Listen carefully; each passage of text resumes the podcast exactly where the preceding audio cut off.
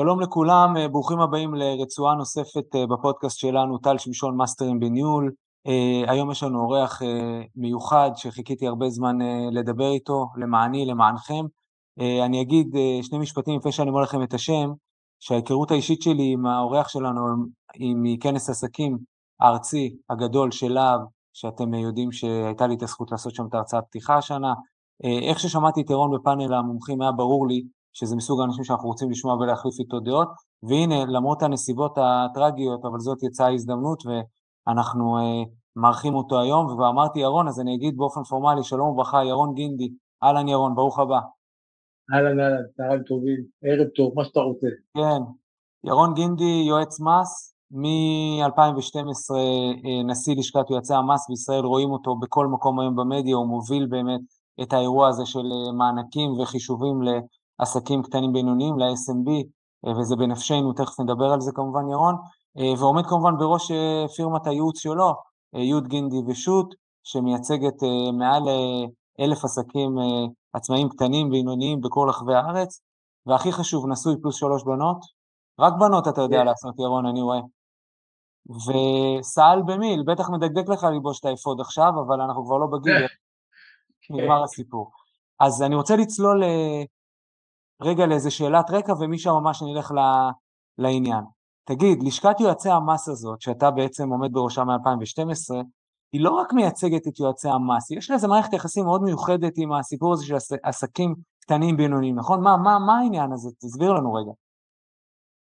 אני חושב שאנחנו הגורם, אנחנו הגורם המקצועי שמייצג מול האוצר, מול שר האוצר, מול האוצר, מול כנסת, מול ממשלה, מול רשות המיסים, כן. את הלקוחות שלנו, זה, זה עסקים קטנים ובינוניים, ליועצי המס אה, בישראל יש אה, מאות אלפי לקוחות, אה, אנחנו מייצגים מאות אלפי עסקים קטנים ובינוניים, לפעמים גם עסקים גדולים, שנותנים כן. להם ייעוץ מס, ומטבע הדברים אנחנו אלו שמכירים את האתגרים שלהם הכי הרבה, הכי טוב, אנחנו מלווים אותם ביום יום, ולכן, ובגלל שאנחנו לשכה מקצועית, ואנחנו גוף מקצועי, אז אנחנו באמת מייצגים אותם מול כנסת, מול ממשלה, מול רשות מיסים, אה, בצורה הטובה, הטובה ביותר, כי אנחנו מכירים את האתגרים, אנחנו מכירים את החקיקה, אנחנו מכירים את כל הניואנסים שקשורים בה, וכל פעם שיש חוק הסדרים, או גם בשוטף, או עכשיו מענקים, או קורונה, אז uh, כל מה שעשינו בתקופה האחרונה זה באמת uh, את המשא ומתן וכתיבת החוק, ממש, uh, ו- ואת כל הדיונים בכנסת, 50 שעות דיונים בכנסת, על כל אות בחקיקת, ה... בחוק הסיוע, אה, מי שייכנס אה, יראה את זה, זה מאוד, מאוד מרתק לראות איך, איך נקבעים הדברים. כן, גם זו מדינה שלא משאירה המון זמן לשגרה, כל שנתיים יש פה, יש פה איזה אירוע כן. אסטרטגי אחר. אני מבין, אתה בטח בדז'ה וו לימי הקורונה, אני זוכר אותך באותו טרם בקורונה.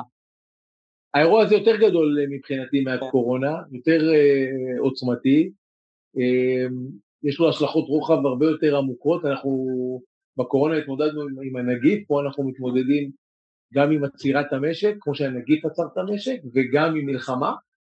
אמ, בקורונה, אה, אתה יודע, לשמחתנו הרבה לא, לא נטבחו לנו, אה, העם שלנו ככה לא, לא עמד אה, במבחן כמו שהוא עומד היום, ויש פה אתגר גדול מאוד. חד משמעית. בוא נצלול רגע ללב העניין.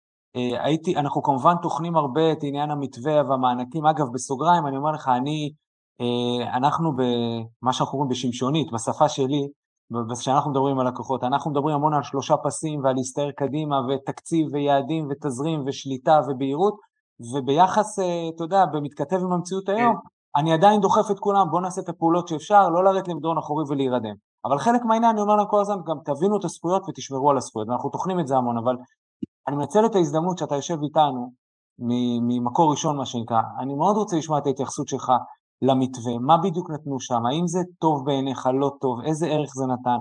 אגב, יש, האם יש חידושים? הבנתי שעכשיו אה, סמוטריץ' אישר כאילו להאריך את זה גם לדצמבר, זה עוד לא פורמלי, כן? כל מה שיש לך בראש על זה להגיד לנו, אנחנו מאוד מאוד רוצים לשמוע.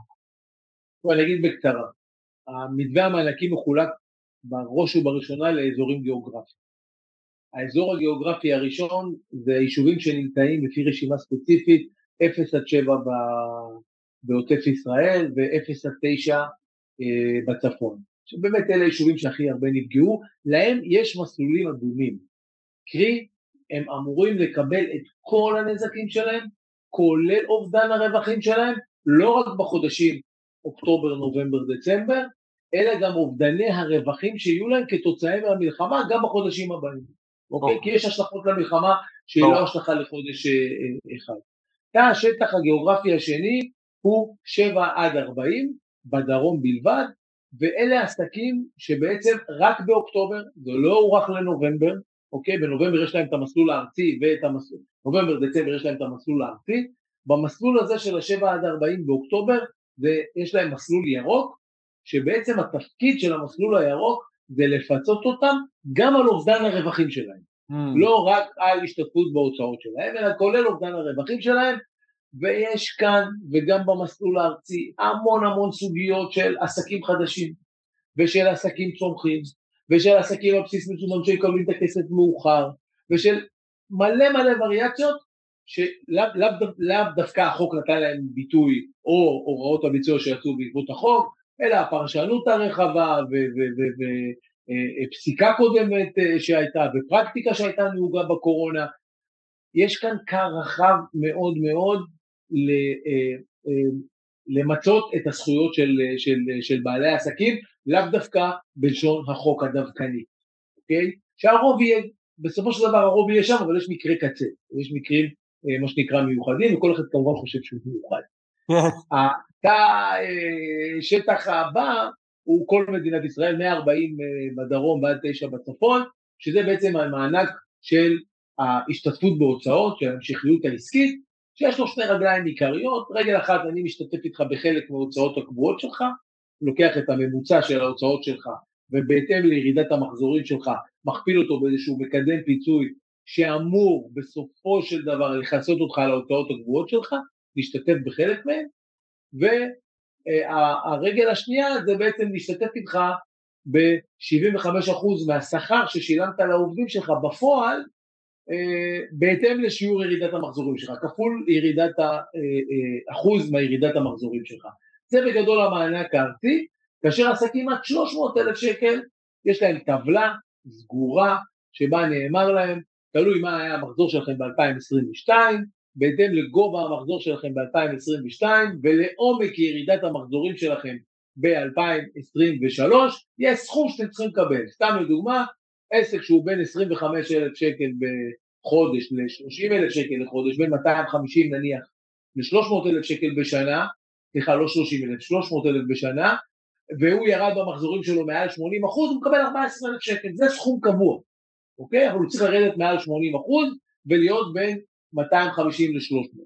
עסק שמעל זה, ועשינו לו את התחשיב שאמרתי מקודם על שכר והוצאות, ולא הגיע לסכום של ה-14,000 שקל, אבל הוא כן ירד מעל 80 אחוז, כן. יכול להיות שבגלל שהוא לא משלם שכר או לא מספיק הוצאות, הוא מקבל את המינימום שמקבל העסק של עד 300,000 שקל. זה העיקרון הכללי, שבתוך העיקרון הזה אמרתי, יש עסקים חדשים, יש עסקים צומחים, יש עסקים אה, אה, עונתיים, יש עסקים שהם אה, על בסיס מזומן, יש אופציה להגדיל את הנוסחאות שדיברתי עליהן עם ההוצאות הגבוהות שלי יותר גבוהות ממה שיצא לי בנוסחה, יש אופציה להכניס לתוך הנוסחה גם שכר עבודה ששילמתי לא בתלוש משכורת אלא בחשבונית, יש עוד הרבה דברים שאפשר לעשות מעבר למכלול ולתמונה ולמסלולים הרגילים. אתה יודע, כי, כי אתה, אנחנו מנהלים חברות ייעוץ, ובאו לאנשים, אתה יודע, חברות, גם ייעוץ למיניהם, לקוחות שלנו, תחשוב אפילו משרד תכנון והנדסה, בסדר? ואין לו לייבור גבוה, אין לו שכר עבודה גבוה שם, אבל הוא ניזוק מאוד, הוא מאוד מאוד רווחי בדרך כלל, והוא ניזוק מאוד, והוא אומר, אני כאילו נופל פה קצת, קצת בין הכיסאות באיזשהו מובן. אז אתה אומר שיש פרשנויות לדברים האלה? זאת אומרת, אם מתייעצים עם אנשי מקצוע כמוכם, אפשר... תלוי מה הוא... אני מניח שמי שהגיע אליך זה עסקים שהם מרוויחים מעל 300 אלף שקל המחזור כן, שלהם, כן. איפה הבעיה שלהם? למה יש להם אה, מה שנקרא מענק נמוך? כי כמעט אין להם הוצאות. נכון. נכון. וכמעט אין להם שכר. בתקורות כמעט אין להם כלום, בדיוק. אז התפקיד של המענק הזה הוא לא לתת לך פיצוי על הרווחים שלך, או על, על, או על אובדן הרווחיות שלך, בארצי, לא מדבר על, על ה-0 עד 40 שכן, אוקיי? אלא הוא להשתתף איתך בחלק מההוצאות שלך. לא באתי לכסות עליך ולתת לך כסף במקום מה שהרווחת, אלא טיפה להשתתף איתך בהוצאות. זה התפקיד של המענק. עכשיו, עסקים כאלה, אתה יודע, אין לו הוצאות, אין לו משכורות, הוא מרוויח, אה, יכול להיות אה, אחד שהוא one man show כזה, או לא יודע מה, מרוויח אה, מחזור שלו 600 אלף בשנה, אז הוא יקבל 14 אלף שקל אם הוא ירד משמעותית במחזורים. וזה בעצם המחיה שלו, שכמובן לא מספיקה לו למחיה. רק אני מזכיר לכם מה קיבלו בקורונה, גם בעסקים הקטנים, בקורונה הם קיבלו 7.5 אלף שקל סוציאלי, אם הם הרוויחו מעל 15 אלף שקל, משהו כזה, ועוד 3,000 הוצאות גבוהות. זאת אומרת, קיבלו מקסימום 10,500 שקל, היום מקבלים 14. כן. אני אתן דוגמא, אותו בחור, אותה, אותה חברה, אם הוא היה שכיר, אפילו שמרוויח 100 אלף שקל לחודש, והיו מוציאים אותו לחל"ת, לחל"ת. הוא היה מקבל רק 10,500 שקל או 10,700 שקל, פה הוא מקבל 14. כן. ברור לי שזה לא מספיק, וברור לי שעסקים כאלה נמצאים בקצה, לפעמים יש להם גם הוצאות, אז הם נפגעו, אוקיי? אז אה, שהמענק פחות מתאים לסוג מסוים כזה של עסקים. אתה עושה מענק ארצי, זה לא תמיד מתאים לכולם. כן, כן יש פה, יש כאן בעיה, ואנחנו מקווים מאוד שזה לא יימשך יותר משלושת החודשים האלה שאנחנו מדברים עליהם, אה, ואם כן, אז יצטרכו לעשות פה חישוב מסלול מחדש. כן.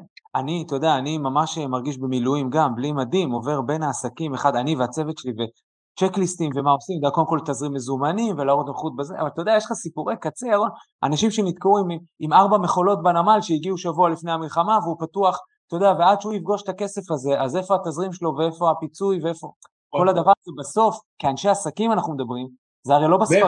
נניח עסק כזה, איפה הוא נמצא? הוא בדרום, הוא בצפון? לא, הוא ב-85% של מדינת ישראל שהיא לא באזור לחימה סטייל, אתה מבין? אבל אין כלכלה, אין ביזנס, אתה מבין ירון?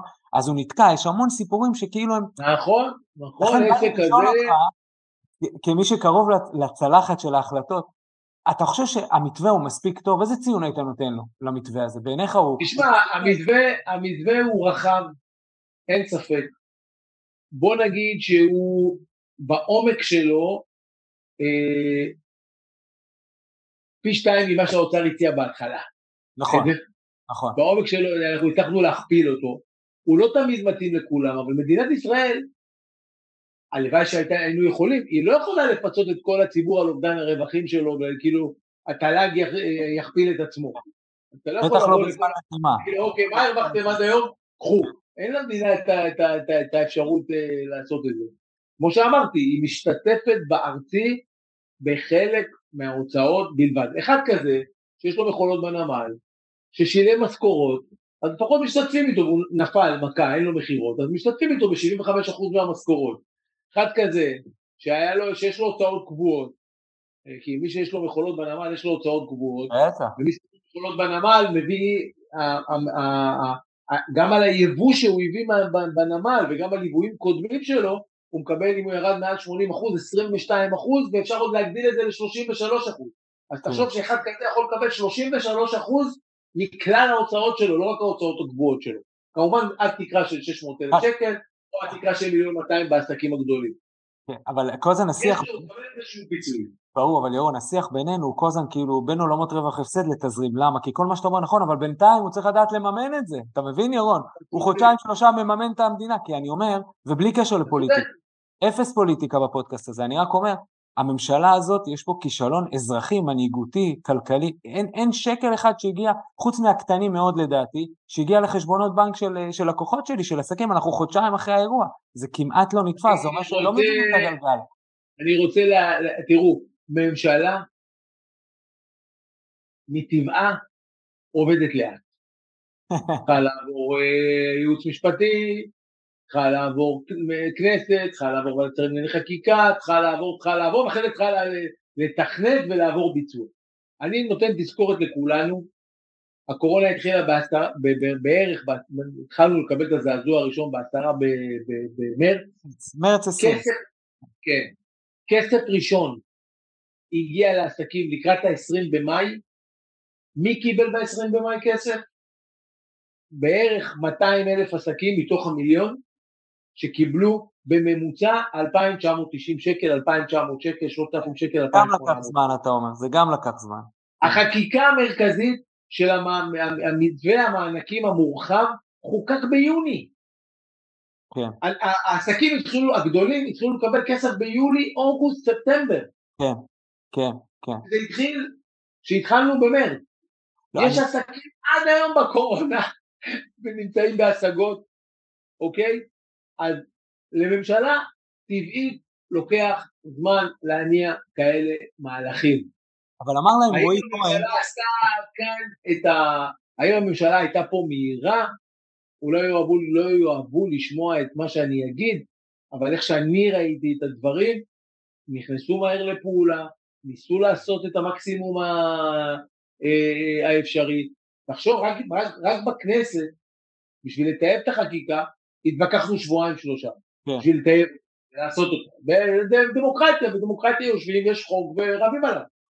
ומביאים את כל הצדדים, וכל אחד אומר מה שהוא רוצה. האם, האם היה אפשר לעשות את זה מהר יותר? אולי כן. האם צריך לעשות את זה מהר יותר במדינה שמכסחים בה את הבירוקרטיה? בטח שצריך לעשות את זה מהר במדינה כן. שמכסחים את הבירוקרטיה. אבל אתה יודע מה הכי חשוב, מה שהצענו כל הזמן ולא עשו? ואם היו עושים, היינו פותרים את הבעיה בשבוע. הכסף היה אצל כולם. אנחנו אמרנו, אנחנו חיים במזרח התיכון, ואנחנו רוצים חוק חירום בשלוש. בדיוק. הכפתור האדום, שאפשר ללחוץ עליו. זהו, עכשיו אנחנו טוענים את זה מהקורונה, אנחנו טוענים את זה לכל ממשלות ישראל דרך אגב, בכל הממשלות שהיו לאורך כל הדרך, וזה לא קרה. ואם אתה שואל אותי מה הממשלה הייתה כן צריכה לעשות, לא דקה אחרי זה, אלא לפני כן, גם הממשלה הזאת וגם הקודמות שלה, לשים לנו את הכפתור הזה. כן, ואז אפשר, אה, במה ניתן... יש מצב של מלחמה, מה קורה? צודק, קיבלתי. אתה יודע, אבל אני אחרי, אה, עשיתי כזאת שיחה גם עם רועי כהן, אה, חברי הטוב, וגם עם חבר הכנסת בליאק, אתה יודע, שהיו איתנו בכנסים העסקיים האלה, חלק כן. מרצים, חלק בפאנל, אנחנו תמיד עוסקים באותו עולם תוכן. ואמרתי להם, אתה יודע, שמעתי את הוועדות, את הוועדות כנסת, אתה יכול להשתגע, כי אחד מפקידי האוצר, אני אומר, בוועדות אוקיי. הכנסת, שמעתי, אתה יודע, התפחלצתי, כי שמעתי את פקידי האוצר אומרים, לך, לרועי, לכל מי שמייצג כביכול את הצד של העסקים ואת הנזקים שלהם, אומרים, אני לא מבין, אבל 80% לא, ב, לא באזור לחימה, למה אתם לא עושים עסקים? ואתה מבין שהם לא מבינים את, ה, את הצלחת שלנו בדיוק, ירון. תראה, אני יכול להגיד לך משהו אחד. אין לי ספק שהפקידות הבכירה בכל מוסדות הממשלה חייבת כתנאי בסיס להתקבל לתפקידים בכירים, אתה חייב להיות בחוץ לפחות חמש שנים. להוציא חשבונית, בחייאת, תוציא חשבונית פעם בחיים. להוציא חשבונית אחת, להוציא חשבונית אחת. פול, ירון. עכשיו, לי אין ספק, זה לא קורה. החבר'ה באגף תקציבים, חבר'ה מוכשרים, אנשים טובים, אנשים חרוצים, אבל יש להם בעיה אחת, הם לעולם לא הוציאו חשבונית, הם לעולם לא עשו עסקה, הם לא מבינים איך השוק האמיתי מתנהל, הם מבינים את התיאוריה, מה שלמדו באקדמיה, והאקדמיה והפן התיאורטי שונה מהמציאות בפועל, הם לא מבינים איך, איך, איך עצמאי, יזם, חושב, רואה, איך הוא פועל, ואיך המשק עובד, ומה מניע את המשק.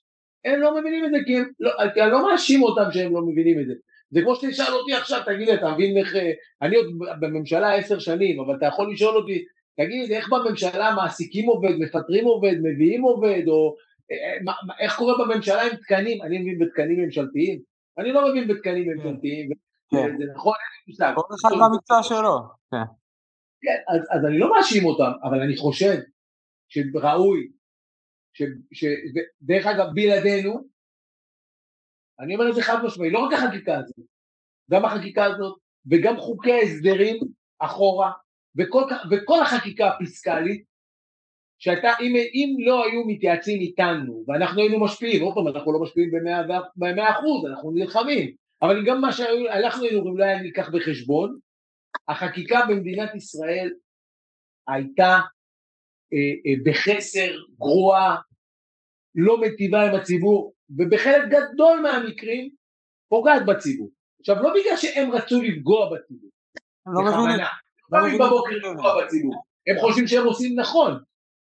אבל, אבל, אבל אני אומר את זה באופן חד משמעי, הידע שאנחנו מביאים מהעולם העסקי והניסיון שלנו בעולם העסקי וההכרות שלנו והתובנות שלנו, בסופו של דבר אה, אה, אה, אה, טובים לכלכלת ישראל, מקדמים את החקיקה, מטייבים אותה. אני הייתי עושה חוק אחר לגמרי מלכתחילה, גם, גם, גם באירוע הזה, למרות שכתבתי את החוק ואני זה שכל שורה ושורה בכתב ידי וזה, אבל בקונספט הראשוני הייתי אה, אה, אה, אולי חושב אה, לגמרי אחרת מאיפה, ש, מאיפה שאני מגיע.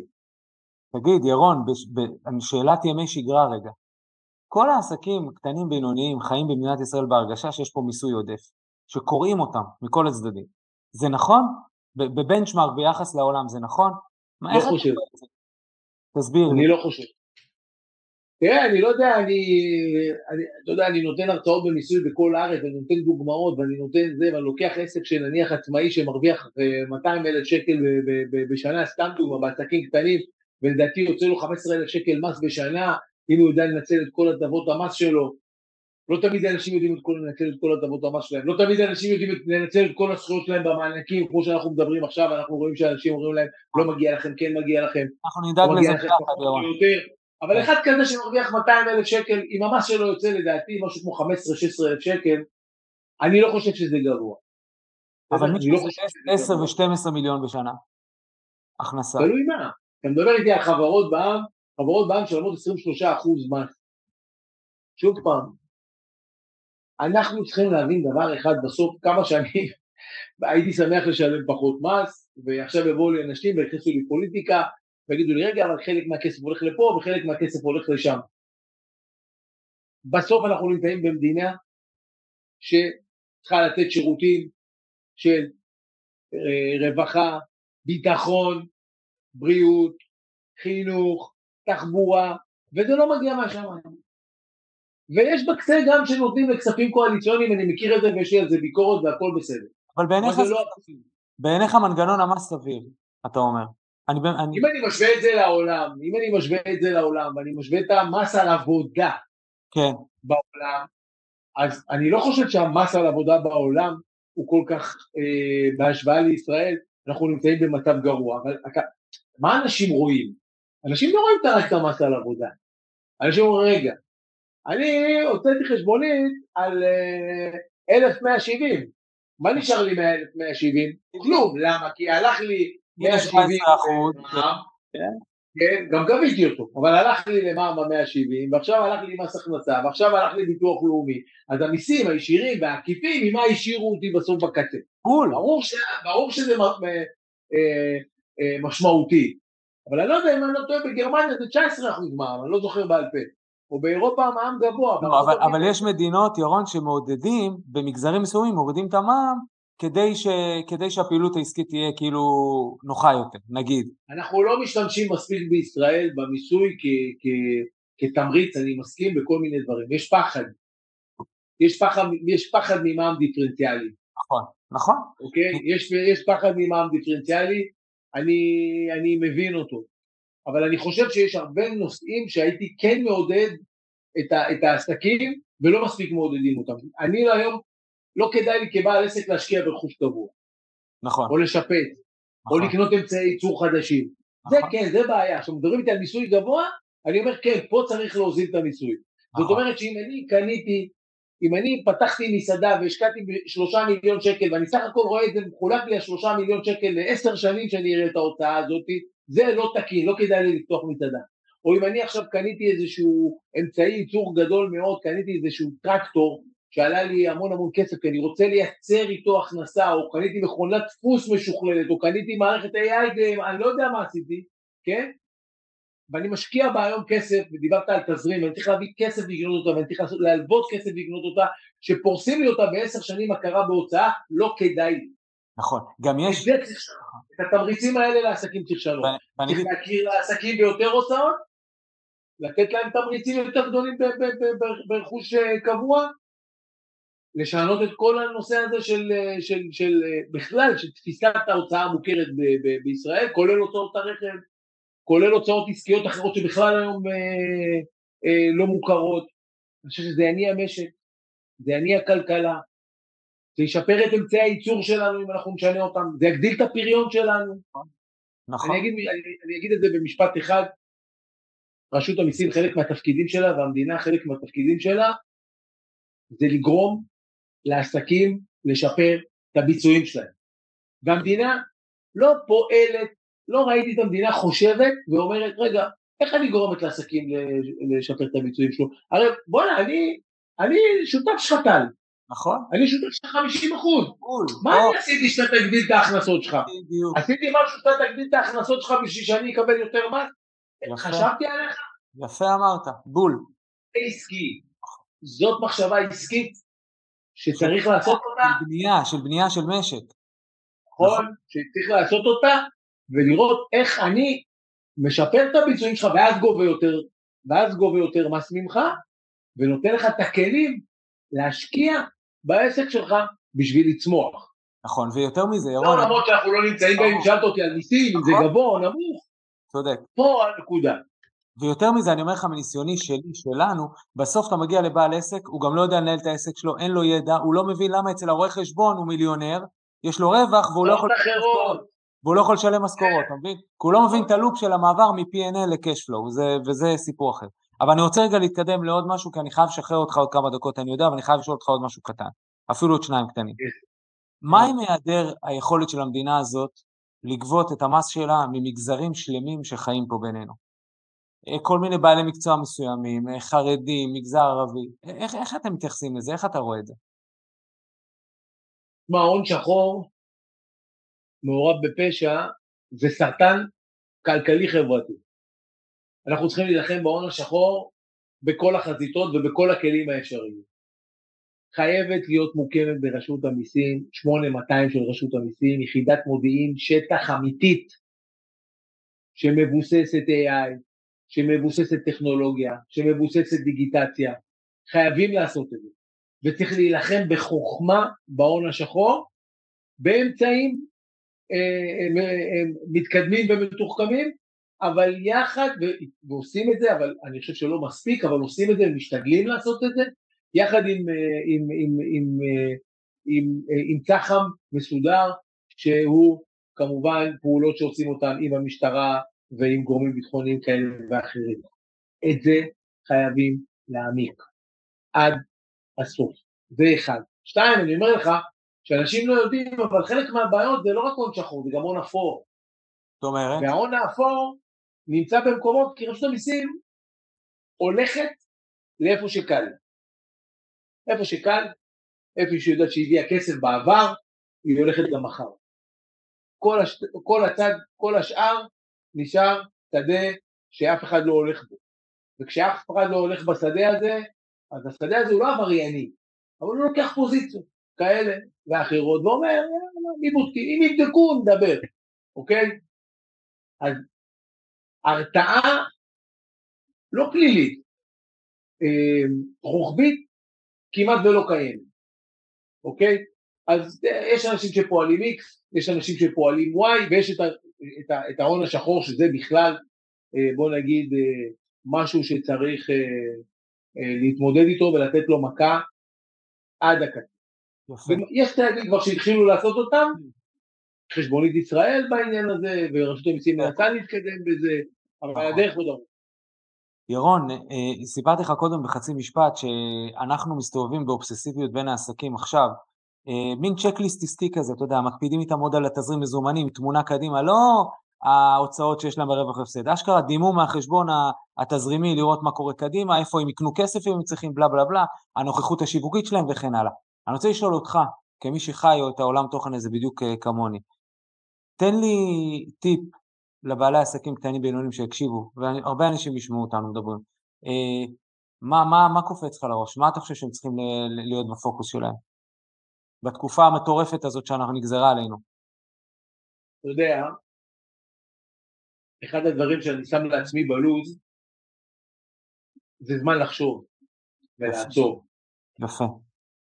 כי אני כל היום מסתובב סביב הזנב של עצמי, רץ לכל העולם לתת פתרונות, ואם אין לי את הזמן שלי לעצור ולחשוב על העסק שלי, על האסטרטגיה של הניהול שלו, על מה החולאים של העסק שלי, איפה היתרונות שלו, איפה החסרונות שלו, איפה אני מדמם, אסטרטגיה. מה גורם לי לרווח, מה גורם לי להפסד, מה מרכזי הרווח וההפסד שלי, כן.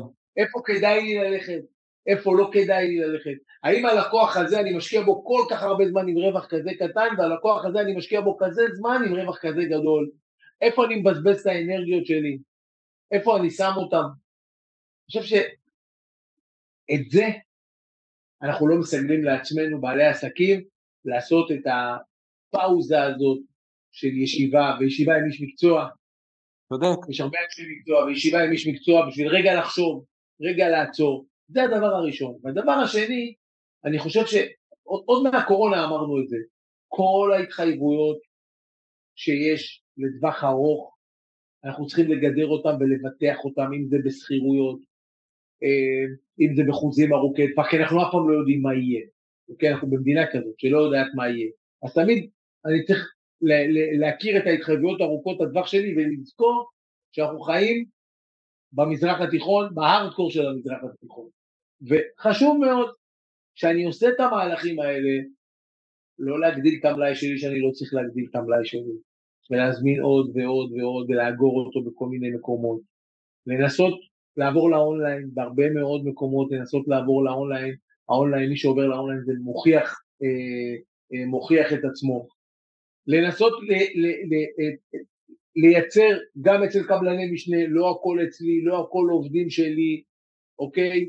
לא הכל התחייבויות ארוכות טווח שלי לכל מיני, אה, לכל מיני דברים, ובייחוד בייחוד אני אגיד את הדבר האחרון, להשתמש ביתרון היחסי האמיתי שלי, ואותו לחזק, לשמור את הקשר עם הלקוחות שלי, לחזק את היתרון שלי, להיות מקצועי בו עד הקצה, להתמקצע, להתמקצע, אני לא יכול להיות טוב בכל, אוקיי? אבל במה שאני טוב, לעשות את זה עד הסוף. חזק את חוזקותיך, מה שנקרא. אה, ירון, אה, משפט אחרון לסיום ואני משחרר אותך. תגיד, איפה נהיה עוד שנה? תן לי איזה vision כלכלי, גיאופוליטי, מה שעולה לך לראש. לאן אנחנו הולכים? סוף 2024, מה... אני, אני, לצערי הרב, לא לצערי הרב, זה המציאות כאילו, מה, לא יודע אם לצערי או לא, אבל כאילו, אנחנו תלויים מאוד בהכרעה צבאית. Mm-hmm. בהתאם להכרעה הצבאית, כך ייראו פנינו. מה לעשות? הפעם אנחנו תלויים בהכרעה הצבאית. בהתאם יהיה המצב רוח, אתה אומר, בהתאם תהיה ההתנהלות. הכל, כן. הכל, הכל. אני חושב שהכל, אני לא חולם על זה שאני אומר הכרעה צבאית, עזה לא תיעלם, עזה תישאר. והרשות הפלסטינית ביהודה ושומרון תישאר. ולבנון לא תזוז לא ימינה ולא שמאלה. וגם סוריה לא תזוז ימינה ולא שמאלה. והים הוא אותו ים, והנהר הוא אותו נהר, ואנחנו בין עם לנהר, וזה חיינו ופה אנחנו נמצאים. שום דבר בגיאוגרפיה ובאוכלוסייה שנמצאת סביבנו לא ישתנה. ישתנה ה-state of mind של מי שנמצא סביבנו, ההרתעה שלנו, ה- ה- היכולת שלנו להכניע את, האו- את האויבים שלנו, הכרעה שלא תאפשר להם להגיע למצב שהם הגיעו בשביעי, ל... בשביעי לאוקטובר. אני לא חולם על זה שהם לא ינסו לעשות את זה שוב ושוב, הם מנסים לעשות את זה מקום המדינה, והם ימשיכו לנסות לעשות את זה גם בעתיד. השאלה היא רק, מה אנחנו עושים עם, ה... עם, ה... עם, ה... עם הסיפור הזה, ואם תהיה הכרעה צבאית משמעותית מאוד, אני חושב שאנחנו אה, מדינת ישראל אה, אה, תרוץ קדימה, ייקח לה זמן, יש לנו פה הרבה הוצאות כספיות, עניינים, נכנסנו פה לאירוע רחב, אנחנו נשלם עליו עוד שנים ארוכות, אבל אני מאמין בעם ישראל. גם אני. נסכם ונגיד שקודם כל ש... שהשם ישמור לנו את כוחות הביטחון ואת כל העושים במלאכה הזאתי, ועם ישראל חי, ובסוף, גם עם הבומבה הזאת שקיבלנו, אנחנו כן חזקים ועל הרגליים, ולא אלמן ישראל, יש לנו תשובות לדברים. אני כמוך, אני חושב שאנחנו צפויים, לפ... צפויים לפרוספריטי, לשגשוג ביום של אחרי, זה ייקח זמן, אבל, אה, אבל זה יהיה בסדר, זה יהיה בסדר. החיים הם גלגל... תראה מה העם שלנו עשה, תראה את הצבא שלנו, איך הוא עובד, תראה את המוטיבציה, תראה את עם ישראל, מה הוא עושה למען הצבא, מה הוא עושה למען האוכלוסייה, איך עם ישראל יתגייס, איזה יכולות יש מטורפות לעם הזה, זה עם אה, חפץ חיים. ממש, ממש. הכוח שלנו בא מזה שאנחנו חפצי חיים. ותמיד החיים הגלגל לא. הזה, עולה יורד, אני אומר ללקוחות שלי, תחזיק את הגלגל קודם כל, קודם כל תהיה על הגלגל, אז אתה גם תעלה אחר כך, זה יהיה בסדר. ירון גינדי, אני מה זה מודה לך, היה מעניין ומרתק, ואנחנו עוד נעשה, אפרופו מענקים, עוד נעשה דברים ביחד. תודה על הזמן, ירון, היה כיף. תודה רבה. להתראות.